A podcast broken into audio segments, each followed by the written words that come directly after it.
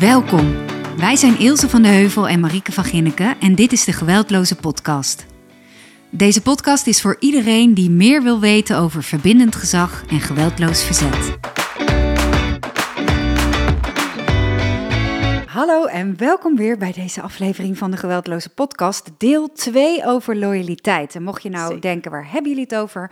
Vorige aflevering is deel 1, dus als je dat eh, nog niet hebt geluisterd, doe dat vooral. En vandaag ga, zit ik hier natuurlijk weer met Ilse. Uiteraard. Hallo. Hallo. Hallo. Hey, ehm, ik, we houden het kort, hè? Ja. Maar eh, hoe is het met je en eh, heb je deze week nog iets geoefend zelf met verbindend gezag? Ja, eh, goed. Nou, dat is kort, hè? Ja, nou, let's go. Door naar de... nee, nee, goed. En zeker, ja, geoefend. Ik denk dat het altijd een, een balans is. Ja. En ehm, nou, onze lieve, lieve Eefje, die eh, had eh, een aantal mental breakdowns deze Oh, week. ja. En eh, toen besefte ik ook, oh, het is best lang geleden. En dat ging over ehm appgedoe met vriendinnetjes. Dus echt meisjesdingen. En ehm, waar, waar mijn uitdaging zat, want het ging, ze ging helemaal los. En ach, nou, het leven was echt niet meer de moeite waard. En alle kanten schoot het op. Oh. Ja, was sneu. En eh, waar mijn uitdaging zat, was echt in het bij haar blijven. En dat lukte me niet in het begin, lukte me dat niet zo goed, omdat ik eh, toch een oplossing ging aandragen. En eh, vooral mijn oplossing. En vooral omdat ik wilde dat het stopte. Omdat ik haar pijn eigenlijk heel sneu vond. En toen dacht ik, oh nee, dit wordt hem niet. Toen zei ze ook, jij begrijpt me niet. En eh, de andere Oh. moeder begreep haar natuurlijk beter. Ja, altijd. Toen moest ik ook Het is doorademen. wel je loyaliteit ook. Ja, ja, nou, even is dat van niet loyaal. Die zegt gewoon, jij begrijpt me niet. Ik wil naar die ander of zo. Dus daar is zij heel helder over. Maar dat geeft me ook altijd een gerust gevoel. Denk, oh, dat is prima. Ja. Ze heeft geen conflict daarin. Nee. Ehm, maar het vroeg van mij wel eh, blijven ademen, rustig blijven en, en bij haar pijn blijven. En eh, ja, dat, was, dat ging goed uiteindelijk. Maar dat duurde wel, eh, wel echt een uur of anderhalf uur of zo. Maar dat is dan echt uitzitten. Ja, het was echt uitzitten. Alles aan de kant leggen. Ik heb heel bewust mijn telefoon weggelegd. Ja. Want ik dacht, ja, ik heb nou even tijd om op mijn telefoon te gaan. ik dacht, nee, niet doen. Niet doen. Erbij blijven. Dus dat, dus ik heb heel wat eh, afgeademd. Nou, ik vind het echt goed van je. ja. dus dat kostte wel wat. Echt goed. En jij? Met jou? Wat heb je gedaan? Waar heb ik mee geoefend? Ehm, nou ja, ik heb eigenlijk natuurlijk sowieso ook elke dag geoefend hier thuis. Altijd? Maar ook in mijn, in mijn eh, hoe zeg je dat? Ehm, eh, het, het zelf laten oplossen Oh, van dingen. leuk. Dus ik heb ook mijn kinderen eh, echt verdragen dat, dat het mijn oplossing niet was. En ook dat zij dus echt zelf tot een oplossing. En ik heb verbaal sterke kinderen die het ook heel makkelijk weer bij mij op mijn bord kunnen gooien. Ja, maar jij, ja, maar jij. Ja, en dan stil zijn en hun, hun eigen oplossing laten bedenken. ja. En wat mij dan wel helpt, is dan wel zeggen: Ik weet zeker dat jij tot een oplossing kunt komen. Of dat jij iets goeds kunt bedenken. Oh, dat ja. helpt mij om ze, dat, ook, om, dat is mijn eigenlijk hulpje. Terwijl ik hun er ook mee help door dat te zeggen. Maar het helpt mij ook om, oh ja, oh ja, oh ja. Ik kan eh, nu tegen ze zeggen, ik weet zeker dat jullie tot een goede oplossing kunnen Ja. komen. Of dat jij tot een goede oplossing komt. En lukt het dan ook om stil te zijn? Als je dat gezegd hebt, helpt dat dan ook? Nou, dan moet, mij helpt het om gewoon weg te gaan. Oh ja. Of Candy Crush Ja. op het toilet. of met de hond wandelen of de was Ja. gaan vouwen. Maar in ieder geval uit de situatie. Want, want anders word ik gewoon omvergekletst door Ja. mijn kinderen... die gewoon een hele sterke mening hebben. Ja, voor je het weet kom je op een ladder. Zit ik gewoon weer op de ladder. Ja. Dus ik heb goed geoefend en het lukte soms niet. Maar meestal wel. Wij hoeven ook niet perfect te zijn. nee, nee, nee. Kan het is niet. echt oefenen en volhouden. En nog volgende keer weer proberen. Ja. Ja. Ja. Hey, Ja. eh, maar loyaliteit. we beginnen eerst even met wat luistervragen. Ja, oh, leuk. Ja. Leuk, leuk, leuk. We hebben er twee uitgekozen, want we krijgen er echt onwijs veel. Eh, deze vonden we eigenlijk allebei heel... eh, Nou, ik ga hem gewoon voorlezen. Goedemiddag. In ons gezin met drie meiden, straks 13, 15 en 17 jaar, willen we graag samen op vakantie. Afgelopen jaar zijn we twee keer gescheiden op vakantie en citytrip geweest, omdat een van onze dochters... Ik dacht dat jij zei, dit jaar zijn we twee keer gescheiden. Oh, nee, nee, nee. nee, twee keer gescheiden op vakantie en citytrips ja. geweest. Ja. Eh, dit ter voorkoming van eh, ruzie, eh, van stress en een slechte sfeer, omdat de wensen uiteenlopen. Dus ze hebben ervoor gekozen om twee keer los van elkaar met een aantal kinderen op vakantie te gaan. Het is voor één te druk, voor de ander te saai, et cetera. Hebben jullie tips voor een puber tussen haakjes vakantie, waar iedereen en ouders ook nog wat plezier hebben? Wauw, wat een Ja. leuke mail. ja, voor ik ook moest wel lachen. Ik denk, oh ja, ja, wat, eh, hoe doe jij dat? Nou ja, hoe doe ik dat? Ik vind het eigenlijk, ik wil eigenlijk gaan klappen voor deze mailstuurder. Want hoezo moet je per se, moeten we het altijd maar leuk hebben? Moeten we het altijd maar met z'n allen in zo'n ontzettende vakantie? De, de maatschappij legt je ook een bepaald beeld op. Hè? Nu gaan we misschien een beetje te filosofisch. Maar ik denk echt dat het, dat het daar wel over gaat. Dat waarom moeten wij met elkaar op vakantie? Ik heb wel vaker gezinnen begeleid die zeiden: ja, het gaat gewoon echt veel beter als we half-half doen. En wij ook nog als partners misschien samen een weekendje weg kunnen en bij kinderen bij de oppas als dat mogelijk is. Of we doen halve vakantie wel met z'n allen en halve vakantie mixen. Of ik heb één kind die helemaal niet tegen prikkels kan, dus die gaat lekker op een vast elk jaar op een vaste camping in Zeeland. Waarom niet? Ja. Ik vind het fantastisch dat deze mailbestuurder, verstuurder dit op deze manier oplost. Jij? Ja, ik ook. Ja, ik ook. Maar Ja, wat is een vraag dan? de, de- vraag is, hoe, hoe ga je nou met z'n allen op vakantie? Ja. En ik denk, eh, laat het inderdaad, zou, zou mijn advies of tip ook zijn, laat het beeld dat het moet los. En eh, geniet van eh, de momenten die je hebt met, met één of twee van je eigen kinderen. Mhm. En eh, ga alsjeblieft leuke dingen doen, los van elkaar. Ja. En deze tijd gaat voorbij. ja, ook dat. Ademen. Het gaat voorbij. Weet je, over een paar jaar vindt het misschien wel hartstikke leuk en misschien wel niet. Ja, en geniet ook van de momentjes die je wel hebt. Want misschien Ja. lukt het wel om met z'n allen een, eh, ik zeg, eh, Sintavond of een, eh, een gourmetavond. En is één avond een paar uur met elkaar hartstikke leuk, maar ook genoeg. Ja, En waarom moet dat dan, ja, ja, ben het met jou eens. ja. Nee, dus ik zou zeggen, ga lekker uit elkaar op vakantie en, en geniet ervan. ja, en als ik dan toch een tip moet geven, als je het dan toch per se wil, Ja, eh luid de familievergadering in. ja, Zeker met pubers. Ga zitten en zeg: We willen vrijdagavond met jullie gezinsvergadering doen. Of familievergadering, noem, geef het de naam. En vraag de pubers om inbreng. En geef ze ook een taak als in: Jij bent notulist, bij wijze van. En, Ja. en laat een agenda opstellen. Waar, waar wil jij het over hebben? Waar wil jij het over hebben? We gaan het hebben over deze zomervakantie. En we vinden, en deze is echt een goede tip: wij vinden jullie mening belangrijk. Ja. Wat zouden jullie willen als jullie het mochten zeggen? Denk er alvast over na. En dan gaan we het er vrijdag over hebben. En dan met z'n allen inventariseren ja, waar iedereen blij van wordt. Ja. En dan vanuit daar verder kijken wat dan mogelijk is binnen. Hè, ik teken altijd, als ik de training geef, het vierkant. Dit is het kader eh, binnen jou en je partner. Dit zijn jullie grenzen en kaders en normen en waarden. Dit is wat jullie willen. En laat ze daarbinnen ja superleuk. meedenken. Ja, Ja, dus dat zou dan een tip zijn. ja. Leuke mail. Ja, hartstikke leuk. En dan hebben we nog een vraag. En deze vraag komt uit de oudertraining. Op dit moment draaien er drie groepen. Eh, Wat tof. ja, echt heel erg leuk. Heb je feedback al van de ouders? Vinden ze het fijn? Ze vinden het zo fijn.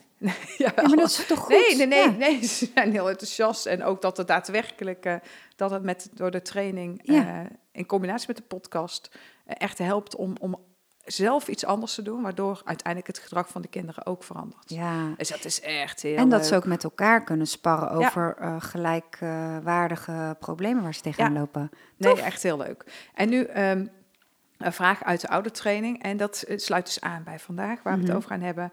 Over loyaliteit, deel 2. iemand schrijft, ik heb eh, de relatie met mijn ex verbroken. En Mhm. dat is helaas een flinke strijd aan het worden. Onze zoon lijkt hier last van te hebben. Ik geef aan dat papa en mama altijd van hem houden en van, eh, sorry, van hem houden en blijven houden. Mijn ex daarentegen zegt dat ze hem erg mist wanneer hij weggaat. En ik merk dat hij hierdoor een soort schuldgevoel heeft. Hoe kan ik het best een gesprekje met hem voeren? Ik herken zijn verdriet en geef aan dat mama en papa juist zo trots op hem zijn, hoe goed hij hiermee omgaat. Dus de ingewikkeldheid zit hier in de ene ouder die eh, eh, geeft, zegt eigenlijk, joh, ik mis jou. En, Als je niet bij me bent. als je niet bij me bent, dan mis ik jou. Hm. En de andere ouder, die heeft dus dan dat kindje. En die Mhm. eh, ja, heeft dus het verdriet ook van het Mhm. kindje. Want ja, de ander mist mij. Ja. En eh, nu weet ik dat dit, dit een vader is en dat de moeder zegt, ik mis jou. Mhm. Ehm, en de vraag is natuurlijk, ja, wat, wat kan je dan het beste doen? Ja. Ja, ja en, en het- wat, me, wat het bij mij oproept is, je kan ook zeggen, ik mis jou hè, met de, de, de beste bedoeling om het kind te laten weten, weet dat ik altijd aan je denk, ook al ben je niet bij me. Maar het is de toon die de muziek maakt. Mhm. Hè, is dat omdat je het kind wil laten weten, je bent geliefd, waar je ook bent, ik zal je altijd missen? Mhm. Of is het vanuit je eigen behoefte om te zeggen, ik vind het echt niet fijn als jij niet bij me bent. En vanuit daar zeg je, ik mis jou. Ja. Dat is een hele andere in, eh, aanvliegroute. Ja. ja, of zeggen, joh, ik, ik ga je missen, maar super veel plezier bij papa. Ja, Want eh, joh, mama gaat ook leuke dingen doen. En ga vooral heel veel leuke dingen doen. En dan Ja. zien we elkaar dan en dan weer. ja. En ik denk dat dat de grote uitdaging is. Ja, en of we inderdaad zeggen, als we elkaar missen, betekent het dat we veel van elkaar houden. Ja. En dat is iets heel moois. Dus we zien elkaar weer zondag of maandag. Of, eh, het, is, het is echt hoe je het zegt. Hè? Ja. En, en hoe, hoe, hoe heb je dit eh, opgelost in de oudertraining? Of Oh, nog opgelost niet. aange... Oh, dit is gewoon een vraag Ja. die je nu binnenkomt. Ja. Ja, Ja. dat is een, denk eens hardop. Nou, eh, nou, ik denk ook, want dit is natuurlijk een vader die dit schrijft. En die wil graag weten, hoe ga ik hier nu het beste mee om naar, naar onze zoon? En dit is nog een klein jongetje.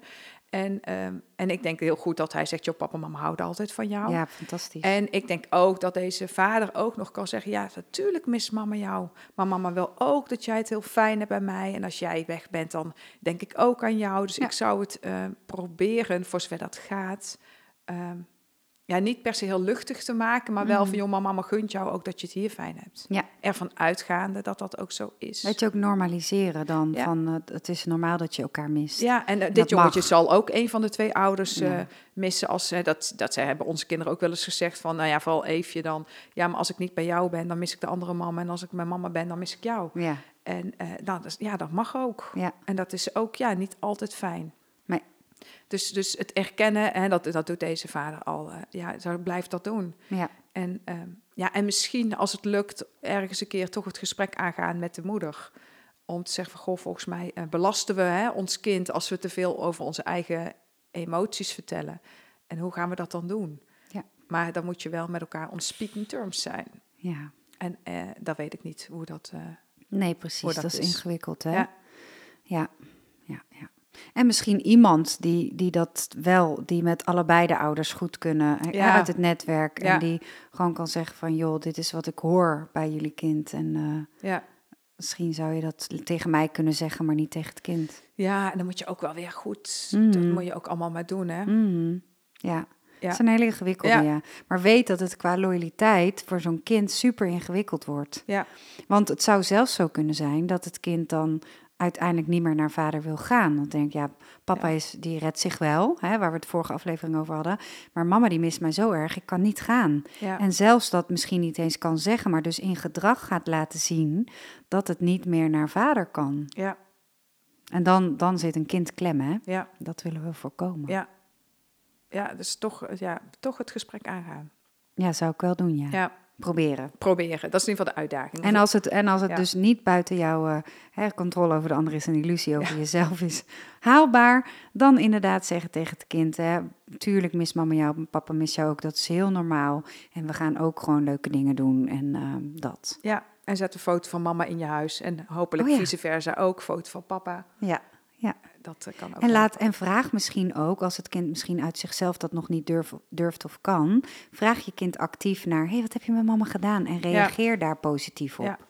Dus ben ook deze vader misschien, eh, en andere vaders of moeders, eh, ben het voorbeeld ook. Ja, wat je eigenlijk van je ex zou willen zien, maar doe het zelf dan wel, Ja. als het de ander nog niet lukt. dat is een mooie uitspraak van Gandhi, hè? Ja, Be the change you want to see in the world. ja dit is zo mooi. Mm. hey, ehm, nou, dat even over de vragen. Jij, eh, de vorige aflevering zijn we gestopt met eh, jouw cliffhanger. Had jij Oh, nog een voorbeeld? Ja, ja, goeie. Ja. ja. Ja, ik heb een heel goed voorbeeld van een gezin die ik begeleid heb. Mhm. Ehm, vader en een moeder en een pleegkindje, eh, een pleegdochter. En die zit al echt een aantal jaren in dit gezin. En het is altijd best wel goed gegaan. En nu komt zij in de puberteit. En ze gaat zich enorm afzetten. Eh, omdat deze ouders, ja, dus ik heb de poppetjes op tafel gezet, weer de Duplo-poppetjes om te laten zien hoe het werkt met loyaliteit. Ehm, omdat zij zich heel erg, uh, zij is in haar identiteitsontwikkeling in de puberteit. Wie ben ik? Waar sta ik voor? Wat zijn mijn normen en waarden? En normaliter, als jij geboren bent in een gezin bij een vader en moeder die jouw biologische vader en moeder zijn, dan zet jij je ook af als puber zijnde. Mhm. Tegen als jouw vader links zegt, zeg je automatisch rechts, omdat je gewoon je eigen identiteit wil ontwikkelen. Dat hoort erbij, dat is normaal. Nou, mocht jij een pleegkind zijn, dan is dat ingewikkelder, want dan komt dat, dat sowieso, want je bent een puber en je moet ontdekken wie je bent. Je gaat je afzetten. Mhm. Maar er komt nog eens bij dat jij ook nog een loyaliteit hebt naar jouw biologische bloed.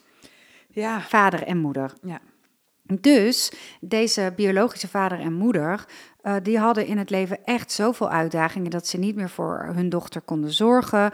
Um, zaten zelf wel wat in het criminele circuit, maar hadden ook um, uh, volgens mij wat uh, gebruikte zij drugs. En nou, er was van alles aan de hand, maar hadden ook uiterlijke kenmerken. En dit meisje wist weinig van haar biologische ouders, maar wist wel dat ze heel veel tatoeages hadden en uh, bijvoorbeeld bokste of wist een paar dingen van die mhm. ouders. En uh, haar uh, pleegouders waren helemaal het tegenovergestelde. He, hadden bijvoorbeeld geen tatoeages, hadden, ja, waren gewoon uh, ja, anders, laat ik het mhm. zo zeggen, tegenovergesteld. En, um, en zij ging zich daar nog extra tegen afzetten door ook tatoeages te willen, ja. uh, op boksen te gaan. Ja. Um, alles wat ze zeiden was niet oké voor haar. En zij vond ze uit de hoogte en uh, uh, kantoorpikkies. En, en ze moesten maar echt, want haar biologische ouders werkten bijvoorbeeld in de bouw, ik noem maar even iets. En ineens vond zij dat dat is het echte werk en dat is het uh, zonder dat het daarover ging ja, of mocht gaan. onzichtbare loyaliteit. Juist, Ja, dus deze ouders zagen het, maar konden het niet herleiden. Ja. Dus door de Duplo op tafel te zetten, konden we het hebben over. Ik had echt de touwtjes gelegd tussen haar en haar biologische poppetjes, eh, mhm. vader en moeder. En eigenlijk een soort barricade tussen haar en haar pleegouders. En dan had ik en een, uh, een, een, een, symbool neergezet voor de puberteit mhm. en haar identiteitsontwikkeling en haar loyaliteitsconflict. Dus omdat het niet mocht gaan of kon gaan over haar biologische ouders, mhm. kon zij geen verbinding maken met haar pleegouders. Ja. Dus door inderdaad wat jij ook net ook zei met de foto, maar alleen al het erover te mogen laten gaan. Ja. Ehm, de biologische ouders een plekje te geven, ook al was er geen contact. Innerlijk aan te nemen voor dit zijn jouw biologische ouders, inderdaad, hier hoor jij bij, dit is jouw bloed. En daar positief over te praten voor zover mogelijk. Hè? Want deze biologische ouders hadden ook veel dingen gedaan waardoor het meisje beschadigd was. Um, is dat voor pleegouders natuurlijk heel ingewikkeld. Ja meisje woont niet voor niks bij hun. En daarnaast waren deze ouders ook nog bang van ja, straks vindt ze, eh, wil ze ons niks meer met ons te maken hebben, terwijl we al die jaren voor haar gezorgd hebben. Ja, en dan denk je misschien ook, ja, dadelijk gaan we het verheerlijken of zo. Ja. Terwijl dat natuurlijk helemaal niet zo is. Nee, maar, je mag realistisch zijn. Zal je angst. Ja. ja. je mag ook gewoon zeggen, jouw uh, papa of mama was drugsverslaafd en kon daarom niet voor jou zorgen. Maar je kan nog steeds zeggen, ze hebben jou het leven gegeven. En zij zullen binnen hun mogelijkheden, alles wat binnen hun mogelijkheden uh, lag gedaan hebben om voor jou te zorgen. Of iets. Maar in ieder geval dat er een plek is voor, voor die mensen. En door dat zo uit te leggen en het ook van het persoonlijke af te halen. Dus, dus dat ik ook zei van het gaat niet om jullie. Ze wijst jullie niet af, maar ze, ze wijst uh, ze wijst jullie niet af, maar ze wil een verbinding met haar bloedlijn. Mhm, ja. Uh, en omdat ze die niet heeft, wijst ze jullie af. Dus jullie niet persoonlijk. Ja. Maar het feit dat zij dus haar verdriet eigenlijk dat ze niet heeft kunnen opgroeien bij de mensen die haar het leven hebben gegeven, dat vond zij lastig en dat heeft zij geprojecteerd op deze pleeg, uh, pleegouders.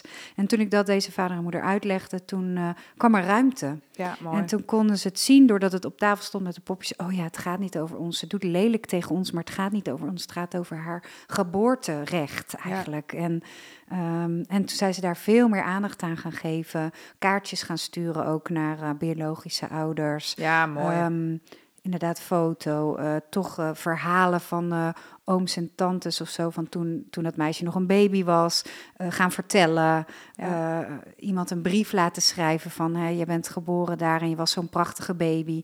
En het ging beter. Ja, ja echt die erkenning. Echt die erkenning. Ja. ja, mooi hoor. Ja, dat vraagt wel iets. Nou, dat, deed- dat was echt verdrietig ook. Ja. Het heeft echt wel even geduurd voordat pleegouders konden zien... oh ja, het, het, is- het is geen persoonlijke afwijzing, maar ze deed zo lelijk. Ja, en het kan naast elkaar, hè? Maar dat, is Ja. ook, dat vraagt wel echt dat je er even boven kan hangen. Ja, maar het, het waren mooie gesprekken en uiteindelijk goed, een goede eh, vervolg. Ja. Maar jeetje, waar moet je dan doorheen als pleegouders? Hè? pittig, Met je hoor. hele goede hart neem je iemand in huis en doe je alle mo- mogelijke moeite. En dan, en dan word je zo afgewezen door zo'n kindje. Ja. Dus Ja. dat. Ja, Nou, mooi. Ja. Mooi voorbeeld. mooi voorbeeld wilde ik toch even delen. Ja, snap ik. Heel goed. Ja, en eh, we gaan door op loyaliteit. Mhm. Dus als je niks meer hebt, dan eh, kan je deze podcast skippen. Ja. Volgens mij moet iedereen daar wat mee. Ja, dat denk ik ook. Ja, alleen dan met jezelf. Ja. Ja, nou daar gaat deze aflevering ook wat meer over. Want, want wij, eh, wij ouders hebben ook onze eigen ouders. En als je ouder bent, heb je een kind. Soms. Of kinderen. Ja. Ja, als ben je geen ouder. Oh, zo, ja. Zo, hallo, wakker worden. maakt niet uit. Ja. Het is nog vroeg. Hou me erbij. En ehm, dan gaat het veel meer over, ja, als jij, ehm, als ik, ik, ik gewoon, ik Ilse, eh, ben natuurlijk loyaal naar mijn ouders en ik ben loyaal naar mijn kinderen. Mhm. Ehm, maar het kan dus zijn dat mijn kinderen iets niet willen, eh, wat mijn ouders wel willen of normaal vinden. Oh ja. En eh, ja, hoe ga je dat dan doen? Want, Oh ja. want ik ben dan loyaal naar mijn ouders. Ik eh, wil eh, dat ook zijn naar mijn kinderen. Voor wie kies je dan? Mhm. Nou, die, die, eh, over dat conflict, daar gaan wij het, eh daar gaan we Vertel het eens over dan. hebben. Nou, ik heb wel een paar voorbeelden. Ja. Ehm, nou, het gaat bijvoorbeeld over ehm, eh, opa's en oma's. Hè? Dus ik noem even onze ouders, even opa's en oma's, om Ja. het verschil helder te krijgen. Ja. Anders dan wordt het heel ingewikkeld. Ja. Nou, bijvoorbeeld de vraag, tot welke leeftijd moeten kinderen mee naar opa's en oma's? Mooie. Ja, en nou, wij hebben het daar eh, heel veel over gehad, want wij hebben kinderen die eh, daar eh, ook een mening over hebben. Heb jij ook van die kinderen met mee? Ja, superleuk als je ze veel autonomie geeft, maar die Ja. krijg je ook wel eens terug in je, Ja. in je face. ja. Maar goed, dus ehm, eh, ik ben, was, volgens mij was Imre 14, 14 en het was Pasen. Mhm. En met mijn familie gingen we Pasen doen. Dus ik ging eh, met de twee kinderen naar mijn zus, want daar zou iedereen komen. En Imre besloot eigenlijk een half uurtje voordat wij zouden gaan, eh, ik ga niet mee. Oh, ja. En eh, nou, daarmee kwam ik direct in een loyaliteitsconflict. Mhm. Want ik dacht, ja, hallo, mijn ouders zitten en mijn familie ook, hè, maar even vooral mijn ouders, die, die gaan ervan uit dat ik Ja. met de twee kinderen kom. Ja. En ja, ga je hem dan dwingen om mee te gaan of niet? En eh, hij had het dus met zijn andere moeder erover. En nou, hij zei, joh, jeetje, ik wil gewoon niet mee. En ik zit dan toch alleen maar op mijn telefoon, dus dan kan ik toch net zo goed thuis zijn. En hij voelde zich ook niet helemaal gezien in die situatie. Dus dat was. eh, dus ik kom beneden en ik zeg eh, tegen eh, Imre en, en natuurlijk ook tegen Even: Kom jongens, spullen pakken en we gaan. En hij staat een beetje in de keuken te draaien. Mhm. En eh, hij had wel steun van zijn andere moeder, gelukkig. En hij zegt: Ja, ik wil niet mee. ik "Eh, eh." In mijn haast, hoezo? Ik wil niet mee. Volgens mij zei ik, weet ik niet meer. Maar- gaat gewoon ik mee. denk dat ik heb, dat denk ik, weet ik niet. Nou, laat ik het even van uitgaan dat ik zei, joh, kom, hè, st- nou, niks, niet zeggen, stel je niet aan, dat denk ik niet. Maar wel, je gaat gewoon mee. En Ja. hoezo ga je Ja. niet mee? Ja. Nou, toen zei hij, ja, weet je, weet je, ik wil gewoon niet mee. En toen dacht ik, oh, hij meent het wel serieus. Mhm. En ehm, Even voor de luisteraars. Het oudste kind van Ilse is echt de reïncarnatie van Gandhi Ja. Die is heel kalm. Dus Ja. als hij dan heel kalm en resoluut zoiets zegt, kan ik me helemaal voorstellen dat je wel een beetje onder de indruk bent. ja, ja, en had ook wat tranen in zijn ogen. Dus hij, hij was ook echt een beetje aan het zoeken naar Hmm. hoe dan. Ja. En eh toen zei ja, dan ga ik echt mee voor de vorm. En moet, ja, hoe moet ik dat dan doen? ja. En, en in mijn hoofd, en daar komt het loyaliteitsgebeuren. Ja. In mijn hoofd, ik dacht, nou, ga maar even mee. ja. Zet je er maar even Je doet overheen. het maar even. Doe het maar. Want voor opa en oma. iedereen blij, Ja. eh, geen problemen. Ja. Na een paar uur ben je er vanaf. Mhm. Dat, dat, dat gebeurt er in mijn hoofd. En, ehm, en ik wil ook luisteren naar wat hij zegt. En hij is ook gewoon 14, of toen was hij 14. Ja. Dus dacht ik, ja jeetje, wat, wat, wat nu? En toen zei ik, nou, ik heb wel gezegd op dat moment, nou, dan ga je niet mee, dan blijf je thuis. Maar hier gaan we het wel over hebben. Ja, nog Of- niet eens per se, maar Hmm. ik had, ja, wij moeten gewoon nu gaan. Ja. Dus ik vond het Oh ja, heel- je zat ook in tijdsdruk. Ja, en ik had op moment denk ik ook wel een kleine raampje. En nou, kwam Eefje, spuit 11 erachteraan. Daar ga ik ook niet meer mee. Ik zei, Eefje, kom op, je bent gewoon acht. Je gaat gewoon mee. Dus die stap gewoon in de auto en dat was klaar. Dat, die vond ze prima. Maar, eh, maar het loyaliteitsconflict zit, zat hem voor mij echt in, ja, wat, is, wat vinden mijn ouders? Hè? Wat vindt mijn familie? Wat zijn de waarden en normen die ik ook mee heb gekregen? Je gaat gewoon mee. Ja. En je zet je eigen gevoel maar aan. Ja, dat zullen mijn ouders nooit gezegd Mhm. hebben. Zet je gevoel maar aan de kant. Maar Zonder liggende boodschap eigenlijk. Ja, we gaan gewoon. Punt. Ja, heb jij hebt niks te willen. Wij Ja, bepalen. En dat is natuurlijk ook een beetje hè, vanuit vroeger, denk ik ook wel eh, hoe het was. Maar ook dat is netjes. Zo hoort zo het. hoort het. En dan laat je ook zien, we zijn compleet. Nou, het hele plaatje klopt dan. Mhm. Eh, dus ik vond dat lastig. En ik ben blij dat ik toen toch heb besloten dat Imre gewoon thuis kon blijven. Ja, want wat gebeurde er van binnen bij jou? Je komt daar dan binnen zonder hem. Ja, Wat ge- ja. ja. dat was Wat gebeurde ook er? nog ingewikkeld. Want nou, gelukkig moest ik een stukje rijden, dus ik had tijd om erover na te denken. En Imre, die zijn nog wel een beetje zenuwachtig. Eh, maar wat, wat ga je dan zeggen als ik niet meega? ja. En zei ik, ja Imre, maar ik ga wel gewoon zeggen hoe het zit. Mhm. Ik ga niet liegen. Nee, Ik had ook kunnen zeggen, hij is ziek. hij heeft buikpijn. Ja, ja. was wel de makkelijkste weg Mhm. geweest. Ja, wel- best begrijpelijk als je dat Ja. hebt gedaan. Heb ik niet gedaan. Goed zo. Oh ja, maar ik vond het wel lastig, want je wil hem niet afvallen, je wil je ouders niet afvallen, je wil eigenlijk iedereen hè, te vriend houden. Ik ben ook de middelste, ik ben sowieso een pleaser, dus ik wil het liefst dat alles leuk en lief en gezellig is. En eh, toen kwam ik aan bij mijn zus en eh, het, grote deel zat al in de tuin, het was mooi weer. Dus ik kom, e- ben met Eefje achter me aan. Ja, en zij verwacht natuurlijk Imre die ook komt. En, nou, Zeker, de vraag ja. was, waar is Imre? Ik zei ja, Imre. En toen dacht ik, nou, hier moet ik even een momentje van maken. Dus ik, nou, Imre heeft besloten om niet mee te komen. Nou, toen waren ze wel even stil, want als ik iets serieus zeg, dan nou, luistert iedereen wel. En zij zei, hoezo niet? Ik zei, ja, Imre heeft hij hier toch alleen maar op zijn telefoon zit. Dus dat kan hij net zo goed thuis doen. Nou, toen liet ik ook even stil te vallen, want ik vond ook wel, denk ja, weet je, als die kinderen erbij zitten, eh, heb ik het ook uitgebreid met ze over gehad. Ik vind het ook leuk als er wat dynamiek is en interactie als met je de wat kinderen. vraagt aan de kinderen ook. En, eh, en dat kinderen zich ook gezien. Het hoeft Ja. niet de hele tijd alleen maar over Nee. de kinderen en met die kinderen samen. Absoluut niet. Maar wel, eh, ik vind het leuker als kinderen eh, dat, dat ja, daar meer interactie is. Ja. En dus nou goed, dat had ik uitgelegd. Ik zei maar goed, even zowel. En dan misschien komt dit de volgende keer weer wel mee, geen idee. En eh, toen ging ik dus naar mijn ouders en even eh, echt begroeten. En, eh, Ja. en ik zag al dat mijn moeder vond het niet leuk. En eh, dat zag ik ook. En toen zei ze...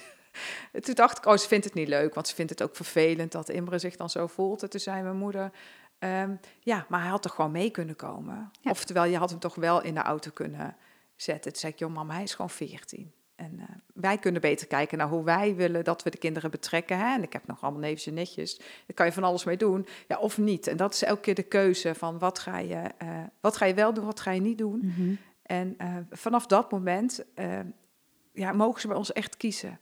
En meestal gaan ze mee. Dat is ook Mhm. grappig, hè? Ja, Nu ze weer de, de ruimte voelen. Ja. Ja. je kiest ervoor of je kiest niet. Ze gaan eigenlijk altijd mee. ja. Dat is super grappig. En soms een keer niet. Ja, en nou, laatst hadden we een verjaardag van, de, van mijn eh, ex-schoonmoeder. Dus de oma van eh, de moeder van Ilse. Mhm. En toen eh, besloot Eefje ineens... Ja, wat, wat moet ik eigenlijk gaan doen? Ik heb geen zin. Ik heb geen zin. Wij keken elkaar en ja, wat nu? En zei Imra, ja, ik ga gewoon mee, hoor. Ja, want oma is jarig. En ik, nou, ik dacht, echt, wat gebeurt hier Ja, nou weer? omgekeerde wereld. Ja, echt ja. omgekeerd. En toen zei ze, ik blijf thuis. En ik denk, en even keek mij aan. En toen dacht ik, oh, maar zij Ja. gaat er nu van uit dat ik ook thuis blijf. Want ik ging dus mee Mhm. naar haar verjaardag. En eh, toen zei ik even, ik ga gewoon mee. En toen, nou, dat vond ze even, was even een shock. Ik zei, ja, weet je, ik vind, hè, ik ga gewoon mee naar oma's Mhm. verjaardag. Immer gaat als jij thuis blijft, vind ik prima. Wat ga je doen? En wij zouden twee uurtjes weg zijn of zo. Zij Ja. kan prima alleen zijn. Ja. Nou, zij even nadenken. Maar goed, ze is thuis gebleven. En de kinderhop is gewoon weer meegegaan. Dus het Ik vind, het een heel, ik vind het een heel mooi voorbeeld. ja, maar het zit echt in het loyaliteitsgevoel, joh. Ja, en daar wilde ik dus nog even op doorvragen. Ja. Want je gaf geen antwoord op mijn vraag. Oh. Wat gebeurde Waar er bij jou van binnen? Nee, nee, je hebt het heel goed uitgelegd. Maar ik ben ook benieuwd, wat Ja. gebeurde er bij jou van binnen toen je binnenstapte bij je ouders in die verjaardag? Want je voelde dat hij er niet bij was en dat, dat Eh, er Pasen. vragen zouden Ja. komen. Pasen, ja. Eh, van binnen kreeg ik, eh, had ik hartkloppingen. Ehm, ik had ook, eh, ik voelde echt spanning. Ja, En ik voelde ook, ja, dit is wel het moment om, eh, om daar echt eerlijk over te zijn. Dat, en dat was spannend. En, eh, maar omdat ik echt voelde, dit is de enige keuze die ik heb, ja, voelde het ook sterk ja. met hartkloppingen. ja. Was je, dat vul ik in hoor, maar was je bang voor afwijzing? Ehm, ja, en nou, ik was bang dat ze het niet zouden begrijpen. Ja, bo- En, boos zouden worden? of- Ehm, ja, of dat. ehm, ik, ik was ook bang voor, voor Imre zijn gevoel. Of bang. Ik denk, ja, jeetje, hij, hij, hij doet dit maar. Hè? Ik vond het ook dapper. En eh, ik denk, oh, ik wil ook wel dat hij zich daarin gezien voelt. Mhm. Dus ik vond het heel ingewikkeld. Nou, jij zat best wel klem even. Ja, ja en ik koos Knap dus hoor. echt voor mijn kind. Ja, In heel dit geval. knap. Maar dus eigenlijk wil, wil je met dit voorbeeld uitleggen ook... wij zitten tussen de loyaliteit van onze kinderen en van onze Ja. eigen ouders in. Ja, Dus dat zijn drie generaties, Ja. oma, ouder, kind... eh, waar we het ook vaak over hebben, Ja. intergenerationele patronen. Hè, hoe je zelf bent opgevoed en hoe het heurt, zoals ik dan Ja. vaak zeg. Eh, en hoe wij het anders of hè, beter misschien kunnen doen met onze eigen kinderen. ja, En ook weer geconfronteerd worden door onze eigen kinderen. ja, Enorm. ja. En ik denk dat heel veel kinderen eh, mee moeten. ja. Omdat het hoort. En, Ja. en, en, en loyaliteit. Ja, ja en dan, dan krijg ik ook vaak terug, ook in training, als je bijvoorbeeld dit soort voorbeelden geeft, van ja, maar dat is ook toch gewoon netjes. Ja, En dat hoort toch gewoon bij je opvoeding, dat je gewoon respect hebt voor oudere Mm. mensen en gewoon meegaat. Ja. Dat is een interessante, hè? Dat zijn dus jouw normen en waarden. Ja. Ja, en andere mensen, want ik heb dit natuurlijk al met meer mensen ook besproken, Mhm. of vrienden ook. En, en ja, maar hij moet toch ook leren dat je soms iets moet doen waar je niet zoveel zin in hebt. Precies. Ik denk, ja, hij gaat heel zijn leven onder school waar hij geen zin in heeft. Ja. Dus Ja. leert hij echt wel. Ja. De kinderen komen in zat situaties waar ze geen zin in hebben. Ja. Eh, ja, en doet hij, moet hij dan mee om mij te pleasen? Moet Mhm. hij mee om Ja. zijn opa en oma te pleasen en de rest van de familie? Hè, van waaruit. Moet je mee? En ik hoop zelf dat kinderen meegaan vanuit intrinsieke motivatie, omdat ze het leuk vinden. Ja. En eh, ja, en dat Nou, bereik je niet met moeten. Nee, dat denk ik ook niet. Nee. Nee. En dat is grappig, want gisteren hadden we toevallig had ik zo'n voorbeeld aan de hand. Want toen had ik heel de dag eh, repetitie eh, voor een voorstelling waar ik in meedoe. En, ehm, en ik kwam thuis en het, was, het zou echt eigenlijk tot vijf uur duren, maar ik was iets eerder terug dan dat ik verwacht had. En ik had Otis, ik zei tegen Otis, zullen we, we zijn maar met z'n tweetjes, hè, papa en je zus zijn er niet. Ehm, zullen we bij Loetje gaan eten samen of zullen we nog even naar de verjaardag van tante Marie gaan? Mhm. Eh, want die was jarig, maar die vierde het al vanaf drie uur. En het was natuurlijk al later. Dus ja. En eh, hij is dol op Loetje. Mhm. En hij zei: Nee, laten we nog even naar de verjaardag gaan, want dan zien we de hele familie. Dat vind ik gezellig. Oh. En dan komt het dus vanuit hem. Ja, Eh, en, dat, Ja. en ik vind het hartstikke leuk, maar ik dacht, ik geef hem de keuze. Ja. En toen zijn we daar nog even naartoe gereden en het was superleuk. Maar dan is het dus, ja, hij is bijna veertien. ja, Eh, hij voelt dus vanuit zichzelf, ja, daar wil ik bij zijn. Dat vind ik leuk. Ja en, en op het moment dat kinderen ergens bij willen zijn, dan voelen ze zich ook gezien. Ja. En dan, eh, nou, waarschijnlijk eh, worden er ook vragen, of er Ja. zal interactie zijn. Hij zal niet alleen Ja. maar zitten en zijn. Nee, En ik hij denk, mag meedoen, hij mag grappig gevonden worden. ja, leuk. Ja. leuk. Ja, dus het is echt, was echt een leuke... En pas echt na anderhalf uur zeiden ze... Vroeg, vroeg hij aan zijn oom, mag ik misschien even op de Playstation? Ah. Maar toen hadden ze al anderhalf uur gezellig eh, met Ja. ons meegekletst aan Ja. de borreltafel. Ja, dat vind, ik, dat vind ik echt leuk. Ja, dat is heel leuk. En ik had ook begrepen als hij had gezegd... eh, mag ik blijven gamen, zullen we een pizza bestellen? Ja. Op zondagavond of zo, hè? Dat had Ja, maar als bij zijn leeftijd geeft, gepast. dan weet je ook dat dat eh, het antwoord kan zijn. Ja. Ja, en ik heb nog een ander loyaliteitsconflict. En dat gaat over wat als je opa en oma, dus je ouders... ehm, nou, in dit geval was het opa, de, de opa, de, de vader van Ilse. En eh, die vader van Ilse, die wil heel graag... eh, eh, wilde, hij is inmiddels overleden. Die, eh, het, het was even was zes jaar en hij wilde een kusje. Want eh, ja, opa's en oma's geef je een kus. Dat is zijn waarde, zijn overtuiging, zijn norm. En wat heel veel opa's en oma's hebben. En, eh, en wat prima is als dat matcht met die andere. Hè? Dus daar is Mhm. helemaal niks mis mee. Ehm, nou, dan staat Eefje daar. En Eefje, die wilde geen kus geven. Ja, en wat doe je dan? Zeg je dan tegen je kind, geef opa maar wel een kus, want het is je opa. Of zeg je, eh, nee, dat hoeft niet. Je mag ook op een andere manier hallo zeggen. Ja. Ehm, nou, dat tweede gebeurde. Oei. Ja, wat, wat, eh, waar opa, deze opa was, was echt wel, wel ouder hoor. Dus Van de oude autoriteit? Ja, nou meer? ja, de- wel, eh, nou, hè, deze beste man is volgens mij 85 geworden. Dit is Mhm. een paar jaar geleden, dus Mhm. hij was al dik in de 80. En ehm, nou, hij, deze opa die vond echt, ja, ik heb daar recht op. Wauw. En eh, wij zeggen eigenlijk, en, en heel veel ouders zeggen, ja, je, je voelt je eigen grens. En je voelt, hè, jouw lijf is van jou. En daar zijn wij best wel, eh, nou ja, eens in de zoveel tijd hebben we het daar wel over.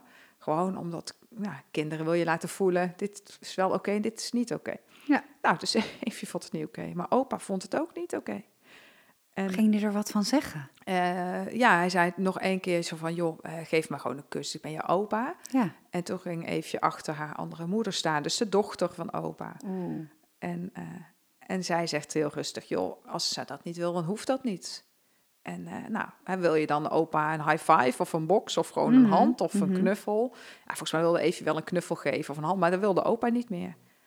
Dus opa werd geraakt in, in, en waarschijnlijk in afwijzing van zichzelf. Ja. En uh, vanaf dat moment uh, ja, was het wel een beetje klaar tussen Eefje en opa. En het heeft best lang geduurd voordat daar weer, uh, ja, voordat daar weer wat, wat interactie was. Want ja, ja, precies. Eefje heeft opa gekwetst. En dan heb je het over ik pijn, jij pijn, hè, op een Mhm. podcastaflevering. Maar dat, dat kan gebeuren. En voor Iels was het ook wel even uitdagend. Ja, die, ging gewoon daarvoor staan. Hè, dus op dat moment was het vragen Heel geen mooi, probleem. ja. Maar ook dat soort dingen is allemaal loyaliteit. ja. Want je kan zelfs ook voelen van, oeh, ja, geef hem nou maar een kus, want, dat, Ja. want je wil ook je eigen vader niet kwetsen. Ja, en dat is dus loyaliteit. Want Ja. We willen hem niet afvallen. Ja, Dus doe het. Dus ga jij maar over je grens. Hè? Zou je dan direct, indirect zeggen tegen je kind? Ja. Doe het maar even. Ga over je grens. Ja. Want dan is hij blij. En dat is, ja, dat is natuurlijk heel tijd zoeken naar. eh, maar het allemaal loyaliteit, beste wensen. ja, best uitdagend. Ja, heel uitdagend. Ja, maar ook heel mooi dat je kind zelf mag voelen wat hij wel of niet wil. Ja. Ja, ik denk dat dat de grote uitdaging in deze tijd ook is. Mhm. En ook als we kinderen willen dat zij wat zelfstandiger of, of nou ja, later nee durven zeggen tegen anderen, dan zullen ze dat ook moeten leren in onze opvoeding. Ja. Wat minder leuk kantje is van opvoeding. ja, maar hoort er wel bij. Ja, hoort er wel echt bij. Ik merk het ook, want we hebben het vorige keer, vorige aflevering gehad over verworven loyaliteit en zijnsloyaliteit. Hè? Mhm. Dus het, de, de, je ouders en bijvoorbeeld je broers of zussen. Ik merk dat ook heel erg dat ik samen met mijn zusje heel erg die verworven loyaliteit heb in wat wij samen hebben meegemaakt. Oh ja. Dus door onze geschiedenis, dus Ja. door onze jeugd en de scheiding van mijn ouders, zijn wij, hebben wij een, een hele sterke eh, band. ja, En echt een hele grote loyaliteit voel ik naar haar. En ik weet andersom ook. ja, Dus die is eigenlijk, nou ja, ik wou het bijna zeggen nog groter dan naar mijn ouders. ja. Kan dat ook? Weet ik niet. Als jij dat voelt, dan kan dat. Nou ja, het is in ieder geval heel erg aanwezig, terwijl je broers en zussen eigenlijk verworven. Hè? Dus Ja, je hoeft niet met je broers en zussen iets te hebben. Dat is wel dezelfde, je hebt dezelfde ouders en je staat in Ja. een bepaalde rij volgorde van geboorte en zo. Ja. Maar het is niet de lijn van je ouders en je kinderen. ja, en merk je dan ook dat je het, dat je het voor de opneemt of dat je er niet af wil vallen of dat, hè, dat soort dingen? Ja, ja, ja, Ja. Dat ik het voor haar op gevoel heb dat ik voor haar op moet nemen. Ja. Ja. Of dat ik met haar rekening wil houden. Of dat ik toch nog iets meer voor haar wil zorgen. Ja. Eigenlijk. Ik ben ook de oudste natuurlijk. Ja, uiteraard.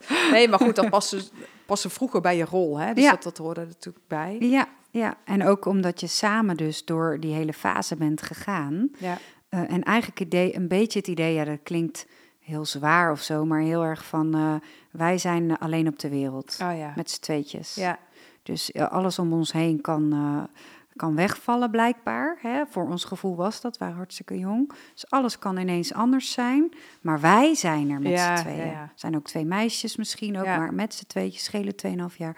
dus veel wij- steun ook aan elkaar. Dat was het, ja. Dus wij waren in ieder geval met z'n tweeën. Ja, partners in crime. En mijn omaatje natuurlijk. Ja, dat is ook loyaliteit. ja, heel. Ja, Ja. ja, ja. ja. Ja, nou mooi. Ehm, hebben we daar verder nog uitdagingen in? Mm, Of dingen die belangrijk zijn? Nou, ik ben eigenlijk heel erg benieuwd of de luisteraars dit herkennen en Ja. of ze het met ons willen delen. Ja. Ja. onder de podcast of, eh, of, in de, of bij, op onze Instagram-pagina. eh, om ons te laten weten van hoe gaan jullie daar nou mee om? Herken je dit? Daar ben ik echt benieuwd naar. Ja. Ja, ik ook. Ik ook. Laten we dat doen. Ja. Dan wil ik jullie hartstikke bedanken voor het luisteren. Eh, waar je ook luistert, ik hoor het misschien in de auto, onderweg naar je werk, of terwijl je aan het schoonmaken bent, aan het strijken bent, je kinderen uit school aan het halen bent. Eh, hartstikke leuk dat je luistert. We waarderen het heel erg. En eh, heel graag tot de volgende keer weer. Tot de volgende keer. Doei! Doei.